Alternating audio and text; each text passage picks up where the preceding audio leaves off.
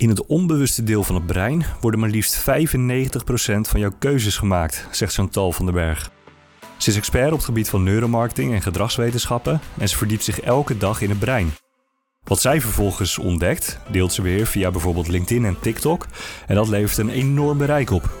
Blijkbaar willen we allemaal het brein toch een beetje beter begrijpen. Maar wat kun je precies met haar inzichten?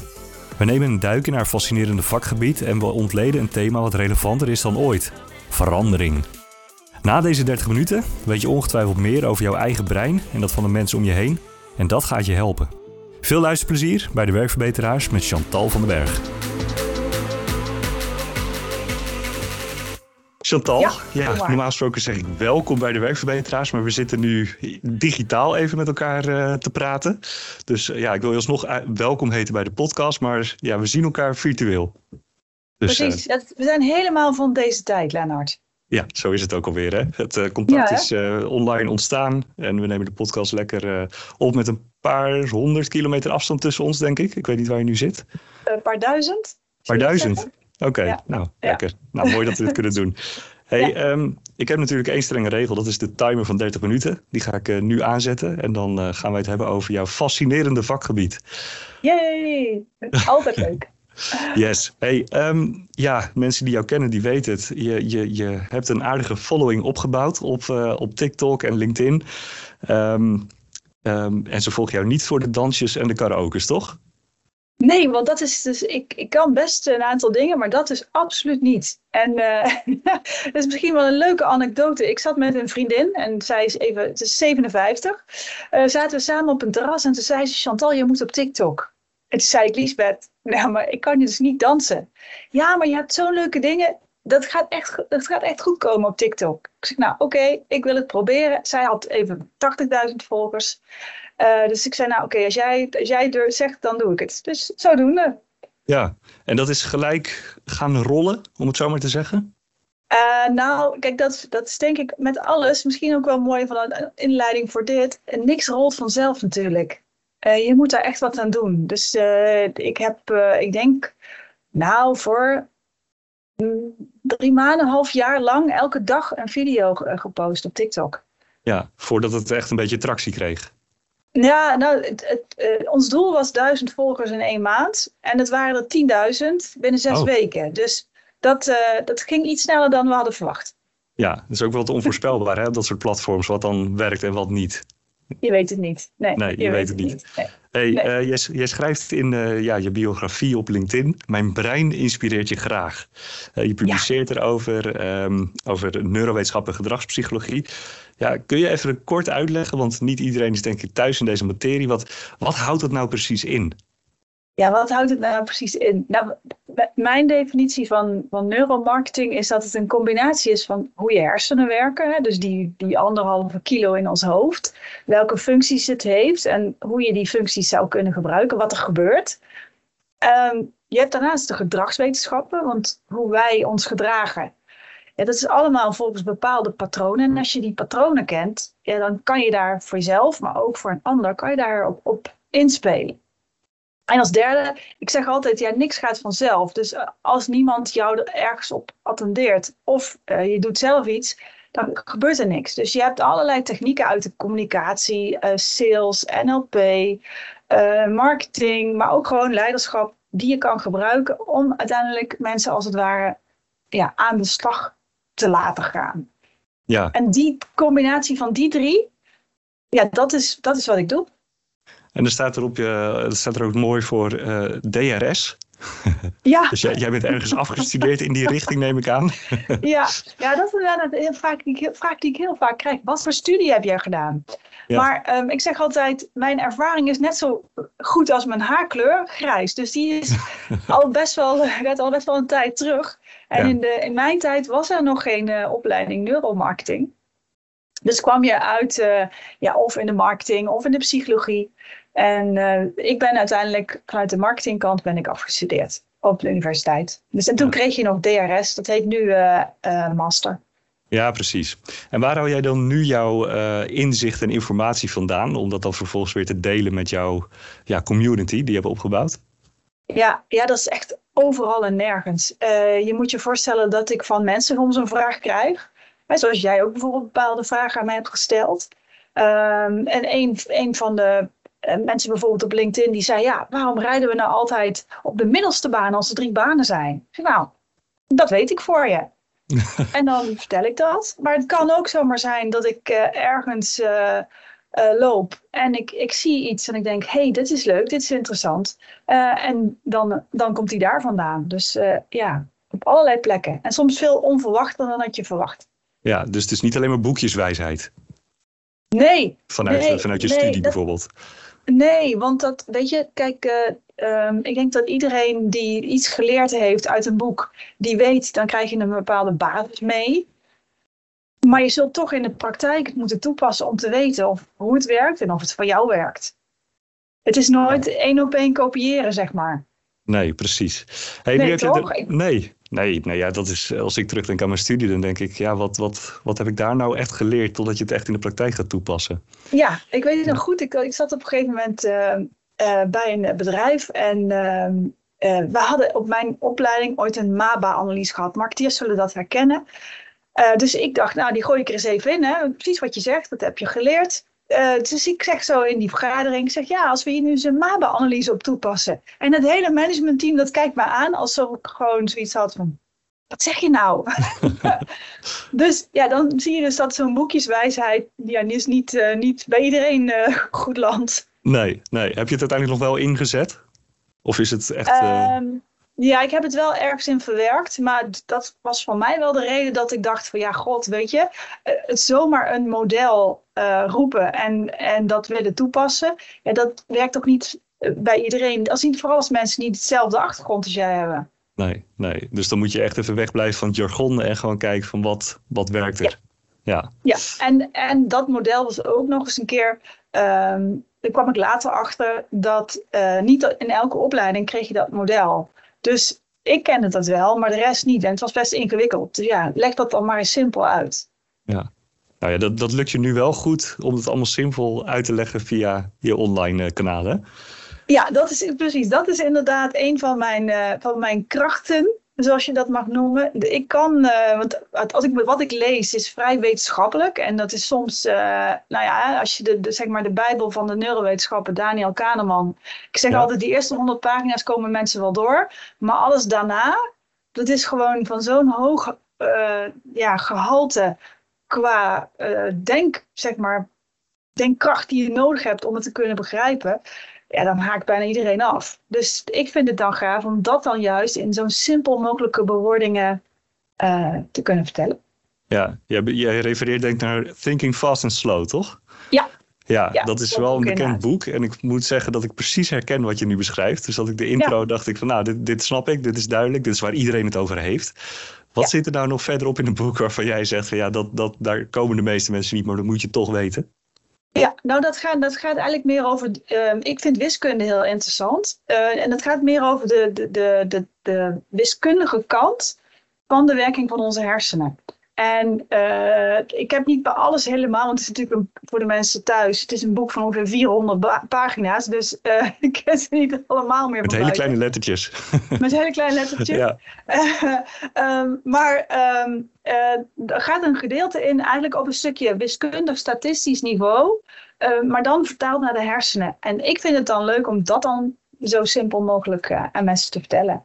Ja, en uh, ik ben ook benieuwd. Je hebt een boek geschreven, je spreekt erover, je publiceert erover. Wat, als je nou even kan samenvatten, wat, wat fascineert jou nou aan die hele wetenschap van, van het brein? Ja, dan, dan is het eigenlijk goed, Lennart, om even terug te gaan naar uh, iets wat we denk ik allemaal op het werk wel eens een keer meegemaakt hebben. Dat jij een bepaald idee hebt, welk idee, of je hebt een, uh, een bepaalde plan. En je wilt dat bij mensen er doorheen krijgen. Of je wil dat ze daar ook enthousiast van worden. En als dat dan niet lukt, dat vond ik dus heel frustrerend. En um, in mijn geval dacht ik, wat kan ik nou doen om te zorgen dat zij dat wel leuk vinden? Dus ja. hoe kan ik, als het ware, heel zwart-wit gezegd, hoe kan ik ervoor zorgen dat zij doen wat ik wil? Uh, en dat was eigenlijk mijn basis. Want ik liep gewoon op het werk tegenaan. Ja, dus jij, jij, jij had een fantastisch idee en het kwam niet helemaal lekker binnen. Nee, en toen dacht ik, hoe kan dat nou? Wat kan ik nou veranderen? uh, want het ligt toch vaak bij jezelf. En, en uh, om ervoor te zorgen dat zij dat gaan overnemen. En daarvoor moest ik en weten wat ik zelf deed. En wat ik eventueel nog anders kon doen. Uh, maar ik moest ook weten hoe, ik, hoe zij zouden kunnen denken. En die twee richtingen, wat we vaak doen is, we denken vaak vanuit onszelf. En dan, ja, als het ware, storten we dat over de ander uit. Ja. Zonder dat we van tevoren hebben nagedacht hoe, hoe die ander zou kunnen reageren, wat hij zou kunnen denken. En dat, die nemen we eigenlijk nooit mee. We gaan eigenlijk meer van onze eigen basis uit. Ja, dat, uh, dat, dat is denk ik wel een, uh, iets wat veel gebeurt. is het dan zo dat, dat stel je hebt een, een meeting en er zitten allerlei verschillende soorten mensen in die ruimte. Moet je dan van tevoren gaan bedenken van bij elk persoon hoe diegene uh, de boodschap zou moeten ontvangen? Eigenlijk wel. En het gaat nog veel dieper, maar um, wat ik doe is, ik, ik kijk, dat zullen uh, mensen uh, misschien ongetwijfeld herkennen. Dat is het, ik vind het heel mooi, omdat het een heel simpel model is. Het is het DISC-model. En dat, laat, dat categoriseert mensen eigenlijk in, in vier stromingen en iedereen heeft één hoofdstroom. Is of twee, maar met die kleuren is dat. Oh ja. ja. Ja, dus we hebben dus blauw, geel, rood en groen. Um, en in principe, als je, voor, als je op, in jouw idee of hoe je de boodschap overbrengt, voor alle vier die mensen iets meeneemt, dan heb je ze eigenlijk altijd. Ja, kun je daar, kun je daar zo'n voorbeeld van geven? Ja, um, dat zal ik zo doen. Ik wil nog even terug naar die ruimte. Want eh, stel voor, je komt die vergaderkamer binnen. Er staat vaak een, een vierkante tafel met een aantal stoelen eraan. En uh, degene die de vergadering leidt, zit meestal aan de, aan de hoofdkant van de tafel. Waar mensen niet over nadenken, is dat waar ze gaan zitten aan die tafel bepaalt hoeveel invloed ze hebben. Dus zit je naast degene die als het ware de vergadering leidt, dan heb je een andere positie dan dat je er tegenover gaat zitten. Of dat je, um, of dat je tegenover die collega zit waar je altijd mee clasht. En, en dat zijn dingen waarvan ik zeg, kijk, die, dat diskmodel komen we zo terug. Maar dat zijn e-, elementen die ook meespelen. En daar denken heel weinig mensen aan. En nu is natuurlijk de vraag die bij iedereen oppopt. waar moet je gaan zitten? waar moet je gaan zitten? Ja, dat is dus maar net. Eh, we gaan weer even terug naar wat voor jou het doel is. Is het zo dat je medestanders moet hebben? Dus bijvoorbeeld, je hebt de, degene die de vergadering leidt als medestander nodig. Dan moet je er rechts naast gaan zitten, want er zitten vrienden. Ja. Maar wil je juist een discussie oproepen, dan ga je er recht tegenover zitten. Oké, dus dat is niet iets negatiefs als je er dan tegenover gaat zitten. Nee, nee, nee, kan nee. juist nee. ook weer een doel dienen. Ja, ja want kijk, als, jij, um, als je wil dat er een discussie over een onderwerp ontstaat, uh, in, de, in gewoon een vruchtbare discussie, dan is het goed als je dan, waarvan je, degene waarvan je weet dat die dat onderwerp uh, op de agenda heeft gezet, of de, de, de spokesperson van het onderwerp is, ga je er tegenover zitten en dan kan je in ieder geval die vragen die jij hebt, kun je dan heel mooi stellen. Oké, die, die vind ik mooi. Um, is het dan bijvoorbeeld ook zo dat als jij een keer een, een functioneringsgesprek hebt of iets dergelijks en je wilt gaan hebben over je salaris, dat je dan eigenlijk naast elkaar moet gaan zitten? Oké, dat, ja. dat kan een hele, hele ja. grappige situatie opleveren, denk ik, als iemand jouw tip nu wel hoort. Ja. Ja, absoluut. Maar je kan dus ook, ja, je kunt, als je het over salaris hebt, je kunt ook zoveel meer dingen doen. Ik had bijvoorbeeld, uh, dat is misschien een leuke, die video staat op TikTok. Um, en mensen reageren daar heel erg wisselend op. Hè? Want de ene denkt, ja, dit is gewoon onzin. En de ander denkt, wauw, gaaf. Um, en wat je ziet is, dat zeg ik altijd, probeer het zelf een keer uit. Want dan weet je of het voor jou werkt. Ja, maar dat kan spannend In plaats zijn. van, het kan spannend zijn, maar het mooie is, niemand heeft het door dat jij het doet. Ze weten het niet, je hebt het niet van tevoren gezegd. Um, en het is dus heel veilig. Want ja, uh, je zegt niet, ik ga deze techniek nu toepassen. Nee, je doet het gewoon en je ziet wat de reactie is. En daarvan kan je dan later tegen jezelf zeggen, oké, okay, ze reageerden dus zo. Heeft dat voor mijn voordeel gewerkt, ja of nee? Ja, heel sterk om dat gewoon te proberen. Ja, nou, ik zal, ik zal die van de salaris uh, zal ik eh, geven voor de, post, voor mensen die niet op TikTok zitten. Ja. wat, wat we vaak heel spannend vinden, is een salaris is iets waar je over onderhandelt. En dat vinden we, ja toch, dat doe je niet dagelijks. Kijk, koffie bestellen in een, in een, in een eh, bar of restaurant, dat is, dat is heel simpel. Maar over je salaris onderhandelen, ja, dat doe je alleen maar eigenlijk als je wisselt van werkgever. En hoe vaak is dat dan? Ja, dat doe je niet, doe je niet dagelijks. Dus, Nee. dus daar hangt al een. En ja, weet je, je jij bent degene die, die dat wil hebben en die ander moet daarin meegaan. Dus ik zeg altijd, als je dat salaris gaat noemen, of welke prijs dan ook, doe het alsof je gewoon een kop koffie bestelt. Dus je wil bij wijze van spreken een salaris van, noem maar even iets, 5000 euro. Dan zeg je dus, goh, ik, ehm, ja, je vraagt naar mijn salaris. Ehm, mijn salaris is 5000 euro. Punt. Ja, hoorde je wat ik deed? Ja, je- Ik zei niks voor drie Nee. seconden. En daar zit de kracht. want wat ik- doen mensen dan vaak? Gaan over zichzelf heen praten. Ja, die, die, of die gaan maar doorpraten, want ze willen eigenlijk niet dat het. eh, ze vinden het een beetje eng, dus dan ben je geneigd om dan maar door te gaan praten. Ja. Eh, of, of hun stem aan het einde van de zin omhoog te laten gaan. Dat is meer een hulpvraag. Dus, dus eigenlijk moet je moet zo simpel zijn alsof je gewoon ja, een kop koffie bestelt. Interessant. Ja, en dan kan je dus wat voor oefenen, hè, dit.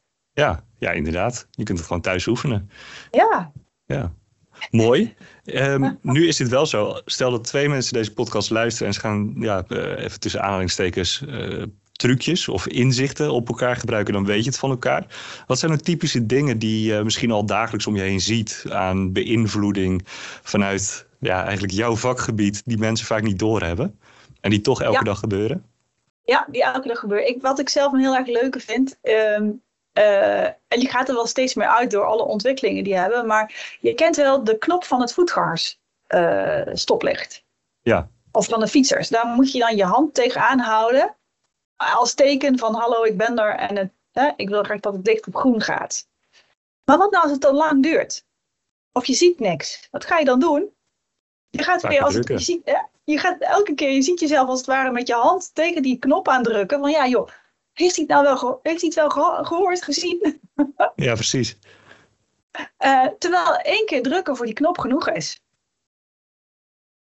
Dus, dus ehm, wij als het ware ehm, worden we beïnvloed door zo'n knop. Omdat we eigenlijk, hè, we willen daar tegenaan drukken. En als we niet snel genoeg reactie krijgen, doen we het weer. Dus we worden eigenlijk als het ware door onze eigen ja, hersenen gestuurd. Ja, we zijn, we zijn volledig geconditioneerd van als ik op dat knopje druk, dan moet er iets gebeuren. Ja, en als er niks gebeurt, dan ga ik net zo lang door tot hij het wel doet. Ja, en nu zijn er natuurlijk ook heel veel bedrijven, merken die dit soort dingen gebruiken. Misschien Ja. door kleurgebruik of door Van bewoordingen. Ehm, zit er ook een bepaalde ethische kant aan op een gegeven moment dat je denkt van nou, dit, dit kan eigenlijk niet?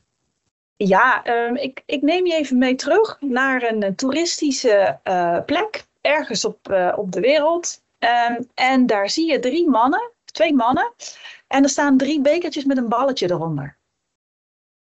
En wat gaan die mannen dan doen? Die gaan, eh, een van die mannen gaat dus met die bekertjes alle kanten op wisselen. En jij bent degene die moet raden waar het bekertje is. Ja. Ja, dit, ik denk dat iedereen dit voorbeeld herkent of een keer gezien heeft. Zeker. Dat is ja. natuurlijk de minder ethische kant. Want wat, wat, wat gaat er fout? Nou, zij zorgen natuurlijk voor dat je altijd verliest. Ja, precies. En, dat is, en de bedoeling van mijn vakgebied is, en daar eh, iedereen die in dat vakgebied op een ethische manier werkt, die houdt zich aan de gedragscode die er is. Door de, eh, ik ben bijvoorbeeld lid van de eh, Neuromarketing Association. Mhm. Dus dan, dan geef je aan dat alles wat je doet ethisch is. Eh, plus, ik handel volgens alle richtlijnen van de AFM. En de AFM heeft een hele mooie paper geschreven over online beïnvloeding, wat wel en wat niet mag. Maar ja, dan hebben we Apple. En die heeft niet in Nederland. En die doet Nee. dat toch gewoon. Ja. Maar is het niet zo dat wat zij doen eh, alsnog onder Nederlandse Europese wetgeving valt omdat ze hier actief zijn? Of is dat een Ja. Dat durf ik niet te zeggen, Lennart. Dat durf ik niet te zeggen. Want dat is, zover ga ik niet. Maar wat, ik, wat ik belangrijk vind, is dat, je, dat wat je toepast, doe je ook al voor een heel groot deel onbewust. Hè? Als ik mensen spreek uh, in mijn lezingen of tijdens mijn lives, dan zeggen ze: Maar ik deed het eigenlijk al. Ik deed het al onbewust. Ja. Dus je, je bent daar helemaal niet bewust mee bezig om dat te doen bij, richting een ander. Dus, dus het is altijd iets, vind ik, waarin je elkaar helpt om de boodschap zo duidelijk mogelijk te maken. Ja, en ik, ik vind het mooi dat je het zo verwoordt. Um, want jij hebt natuurlijk daarmee een soort gigantische toolbox opgebouwd voor jezelf en voor anderen om daar heel effectief iets mee te kunnen. En nu zitten we, dat zal je ongetwijfeld herkennen, echt in een periode waarin superveel verandert. Het gaat over exponentiële ontwikkelingen, eh, toename van technologie, et cetera. En dat zorgt voor allerlei veranderingen. Ja. Dat is iets wat, wat ik ook echt wel omheen zie. Zijn er nou bijvoorbeeld voor ehm, leidinggevenden die een verandering willen doorvoeren? Dat zou ik dan graag eens even tegen jou aan willen houden. Dus zijn er nou bepaalde tips en tricks die je kunt toepassen om een verandering zo makkelijk mogelijk te, te maken? Zeker, ja, zeker. En dan nemen we even een paar dingen uh, mee die we al eerder in de podcast hebben uh, besproken. Dus we, we, pakken eerst, zeg maar, de, uh, het diskmodel. Ik noem dat de aard van het beestje. Ja. Dus nou, we, we, hebben hier te maken, we hebben vooral, stel voor, je hebt met ICT-mensen te maken. Nou, ICT-mensen, de aard van het beestje, volgens de, de kleurenanalyse van diskmodel, hebben vaak een blauw profiel. En een blauw profiel wil zeggen dat mensen graag garanties en zekerheid hebben. Die vinden kwaliteit belangrijk. Dus op het moment dat zij een verandering door moeten gaan, en dat is iets wat bij hen een bepaalde angst oproept van, oh, maar kan ik dat dan nog wel? Heb ik dan nog wel de controle? Dan gaan die hersenen als het ware allerlei vragen oproepen. Ja. Wat is dus belangrijk als leidinggevende? Dat je je kunt inleven, God, Welke vragen zou zo'n persoon allemaal hebben? Als het hem of haar zou gebeuren. Want dat zijn de antwoorden die hij of zij nodig heeft om in die verandering mee te kunnen gaan. Dus, dat dus, dus je moet eigenlijk weten wat de aard van het beestje is. Ja, en dat betekent dus ook. Dat betekent dan dus ook dat je voor een, um, zowel voor die blauwe als die rode persoon, bij wijze van spreken, eigenlijk al van tevoren nadenkt Um, ja, wat hebben zij nodig? Dus bijvoorbeeld een rood, een rood persoon. Uh, daar moet je eigenlijk ook van tevoren over hebben nagedacht, omdat de tactiek van de blauwe persoon niet werkt op die persoon. Ja, ja, ja. En wat je, um, en wat je hebt, is dat wat wij, uh, wat wij vertellen aan elkaar. Dus als ik jou als, leid, uh, als leidinggevende zou vragen van goh, hè, Lennart, wat, wat vind je belangrijk? Dan hoor ik maar een deel. Want ik hoor het deel wat eigenlijk onderbewust in je onder, zeg maar in je echte, je hebt twee soorten brein. Je hebt een meer een rationele logische kant en een onbewuste gevoelskant. En wat we vaak doen is die logische kant vertellen. Maar die onbewuste kant vertellen, dat doen we vaak niet. En er zit dus bij die logische kant zit altijd iets onderbewusts onder. Dus, dus het, het feit dat bijvoorbeeld, uh, ik pak maar even dat blauwe profiel, hè, dat, dat die naar een toekomst moet die heel erg onzeker is. En uh, een, een blauw profiel wil graag zekerheid hebben. Dus de, de angst daaronder is dat hij waarschijnlijk niet meer voldoende kan uh, voldoen aan bepaalde bijvoorbeeld kwaliteitseisen. Dus wat ik nodig heb is dat jij mij vertelt wat mijn zekerheden zijn, zodat ik dat kan blijven realiseren. Ook al zijn die veranderingen nog niet helemaal duidelijk. Ja, dat is, en gaat dat dan vaak fout ook? Is dit iets waar te weinig over wordt nagedacht in jouw ogen? Nou, kijk, weet je, ik, ik ben zelf leidinggevende geweest van een team van 25 mensen. En wat het is, als leidinggevende, ben je eigenlijk op een gegeven moment bezig met een verandering. dus, dus welke technologische verandering het ook is, uh, daar ben je mee bezig. En jij bent er met jouw collega's van andere afdelingen, bent er al een aantal maanden mee bezig. Je hebt dat proces doorleefd, je hebt allerlei dingen gehoord. En dan moet het als het ware over naar je medewerkers. Maar je hebt eigenlijk een kennisvoorsprong. Dus eigenlijk dat proces van die afgelopen drie maanden, dat moeten jouw medewerkers ook door. Alleen dat vergeet je als leidinggevende wel eens, omdat je door wil. Want ja, de volgende stap in, hè, staat te wachten. Uh, en dus als het ware, probeer je je medewerkers versneld mee te nemen. En dat gaat natuurlijk niet met iedereen.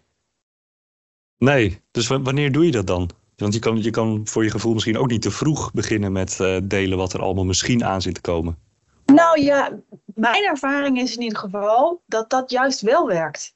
Okay. Ook al weet je alle antwoorden nog niet, je kunt mensen maar vast meenemen. En, en hoe mooi is het als zij alvast die vragen aan jou kunnen stellen die ze hebben. Want die helpen jou weer om, zeg maar, voor, voor jouw eigen uh, inbreng in dat hele proces, om die vragen te stellen waar je misschien zelf niet aan had gedacht. Ja, dus dan helpt het je ook weer om kwetsbaar op te stellen door dan te zeggen van hé, hey, dat weet ik eigenlijk nog niet. Daar ga ik achteraan. Ja. ja, ja, en dat is ook niet erg. Als je het niet weet. Nee, precies. Mooi. Want, want je bent niet alwetend en je kunt ook niet alle vragen. En je kunt dan juist zeggen, nou dat is een goede vraag, die neem ik mee. Ja. En daarmee ben ik van overtuigd dat je juist dan ook draagvlak creëert bij mensen. Ja, in plaats van dat je het op een gegeven moment maar over de schutting gooit van dit gaat ja. er veranderen. Ja, en dat mensen denken, oh wacht, en dan krijg je dus precies wat jij zegt, dan gaan die hersenen in een soort van weerstand. Het, um, er is een hele mooie theorie, en dat is als wij uh, onze vrijheid beperkt wordt, ze dat voelen, en dat hebben we met name in de afgelopen jaren van de pandemie enorm gemerkt, ja. dan als het ware kom je in een weerstand dan wil je eruit. Het is hetzelfde als iemand uh, uh, tegen jou zegt: ja, hier staan twee potten met koekjes. En dan mag je niet aankomen. Maar jouw collega wel. Dan denk je: ja, dat is toch iets stoms. Ja. Waarom mag hij of zij dat wel en ik niet? Ja. En dan ga je in de weerstand. Want dan ga je allemaal: ja, hoezo dan? Waarom dan mag dat niet? En wat is dat voor onzin? en waarom mag hij of zij dat wel? Dus dan, als het ware, je wilt weer, jij wilt ook dat, dat koekje hebben. Ja, precies. Dus je, gaat dus als het ware, ja, dus je gaat als het ware in de weerstand als jij iets over je heen gestort krijgt. Wat voor jou verandert, dat je vrijheid als het ware beperkt wordt. Omdat je misschien je functie verandert, je werkzaamheden veranderen. Uh, je plek in de organisatie verandert. Je moet letterlijk fysiek misschien ergens anders gaan zitten. Het zijn allemaal dingen, alles wat nieuw is. Dan zeg je hersenen, oh wacht, ik doe het graag op de automatische piloot. Ik doe het graag op routines. En nu moet ik in één keer iets nieuws. Ja. En help. Ja. En dan heb je die mooie technieken die we allemaal hebben, die we kunnen gebruiken om die hersenen als het ware een beetje te helpen van joh, het is niet eng. Het komt wel goed. Ja, en dat vind ik even interessant, want stel je ehm, ehm, even vanuit het perspectief van zeg maar degene die moet veranderen. Mm -hmm. stel je denkt op een gegeven moment van ja, ik wil het wel, maar ik voel bij mezelf nog heel veel weerstand. Wat, waar begin je dan? Ja, waar begin je dan? Wat, ik, wat ik als tip zou meegeven, je hebt altijd dezelfde regie. Zorg dat je zelf de regie houdt. Want als iemand anders de regie over jou overneemt, dan, dan gaan je hersenen als het ware weer in die weerstand. Dus dan krijg je allerlei uh, discussies, conflicten. Nou ja, dat, daar wordt niemand blij van. Dus ik zeg altijd, als je zo'n verandering krijgt, wat wil ik? Ja. Wat wil ik? Wil ik hierin mee, ja of nee? En uh, uh, op welke manier kan ik hierin mee? Want je kan ook zelf, hè, stel voor, uh, je, door je ontwikkelingen wordt misschien wel jouw baan aangetast of je functie aangetast. Of het werk wat je zo leuk vond dat dat niet meer kan. Oké, als ik dat wil, wat zijn dan mijn opties? Wat zijn mijn mogelijkheden? Want er is niks zo fijn als je gewoon al bij wijze van spreken zelf over nagedacht hebt. En je gaat met je leidinggevende in gesprek. Je ziet, joh, dit gaat gebeuren. Ik ben hier niet blij mee, vertel ik ook. Dit is wat ik belangrijk vind. Wat heb je mij te bieden? Dat zijn gewoon legitieme vragen. Dat zijn gewoon legitieme vragen. En die leidinggevende is alleen maar blij, want die denkt, joh, ik heb iemand die, die ook gewoon met mij daarover in gesprek wil. En dan gaat er in één keer misschien wel een wereld voor je open waar je niet over had gedacht. Want die leidinggevende is er als het ware voor om jou ook te helpen. Want je bent een goede medewerker. Dus waarom zou hij of zij niet kijken hoe dat wat jij wil, hoe dat past? Want misschien komt er wel een nieuwe soort functie die jij nog niet weet, maar die leidinggevende al wel weet. En die had nooit gedacht dat jij daar misschien wel interesse in zou hebben. Ja, mooi. Heel praktisch ook, toch? Dit, dit kun je gewoon gelijk doen zonder dat je heel diep in je eigen brein hoeft te graven. Zeker. En dat, en dat, weet je, we hebben nu het werkvoorbeeld gepakt. Maar dit kan je natuurlijk ook voor je privéleven uh, doen. Net zo. Op allerlei onderwerpen. Weet je, wil ik wel, um, uh, iedereen zegt tegen mij, uh, iedereen roept van ja, je moet meer gaan, ik noem maar even iets, mensen moeten meer gaan bewegen. Ja, oké, maar hoe wil ik dat dan als ik daar eigenlijk helemaal niet zo voor ben? En op welke manier vind ik het prettig? Weet je wel, als je nou helemaal niet zit te denken aan de plank challenge op je werk, ja, hoe kan je dan toch meedoen? Dus de truc is eigenlijk om, um, ondanks dat je misschien weerstand voelt, ook aan jezelf vragen te blijven stellen. Dat is het. Ja, dat is het. Uh, want dan, want dan, dan hou je altijd die regie. Ja, nou, heel tastbaar. Ik zie ook dat we door de tijd vliegen. Zoals het altijd gaat als het over uh, dit soort interessante onderwerpen gaat. Ja.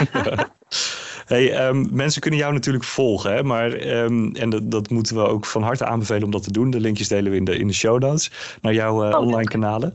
Um, ik ben toch even benieuwd, afsluitende vraag. Wat, wat, ja, waarom, voor iedereen die luistert, waarom zou de luisteraar zich toch even wat meer moeten verdiepen in het brein en hoe dat allemaal werkt? Wat zijn er tips die jij mee kunt geven om vanuit dat perspectief bijvoorbeeld je nou, leven en werkleven te verbeteren? Ja, nou laat ik het zo zeggen. Je uh, hersenen zijn een machtig mooi instrument wat je voor jezelf op allerlei vlakken kan inzetten. Als je vanuit mijn expertise kijkt, zijn er wel 150, zeg maar als het ware, mentale snelkoppelingen die je kan gebruiken in je werk. Waar je hersenen automatisch een vervolg aan geven. Dus, dus je helpt jezelf enorm. Als je die kent, dan weet je ook hoe de ander zou kunnen reageren. Dus dan heb je ook daar nog eens voordeel van. En ja, het is mijn missie, passie, om al die dingen gewoon te vertellen, zodat je het alleen maar na hoeft te doen. Dus als je nou. mij volgt, dan ja, dan hoef je zelf heel weinig te doen. hoef je het boeken niet in. En dan weet je precies van welke, welke techniek je waar het beste zou kunnen toepassen. Nou, dit is een soort uh, fantastische elevator pitch. Ja, zo was ik niet bedoeld, maar ik kwam er uiteindelijk wel zo uit. ja, nou ja, mij had je natuurlijk al overtuigd, want ik volg jou in ieder geval op LinkedIn. Uh, superleuk om te doen, waar je natuurlijk al jouw breinweetjes deelt. Ja. Um, we gaan afronden. Dus ik wil jou heel erg bedanken voor deze, ja, hoe zullen we het eens noemen? Een mini masterclass over, uh, over het brein, denk ik hè? Ja, ja. en jij bedankt voor het stellen van de mooie vragen. Nou, graag gedaan.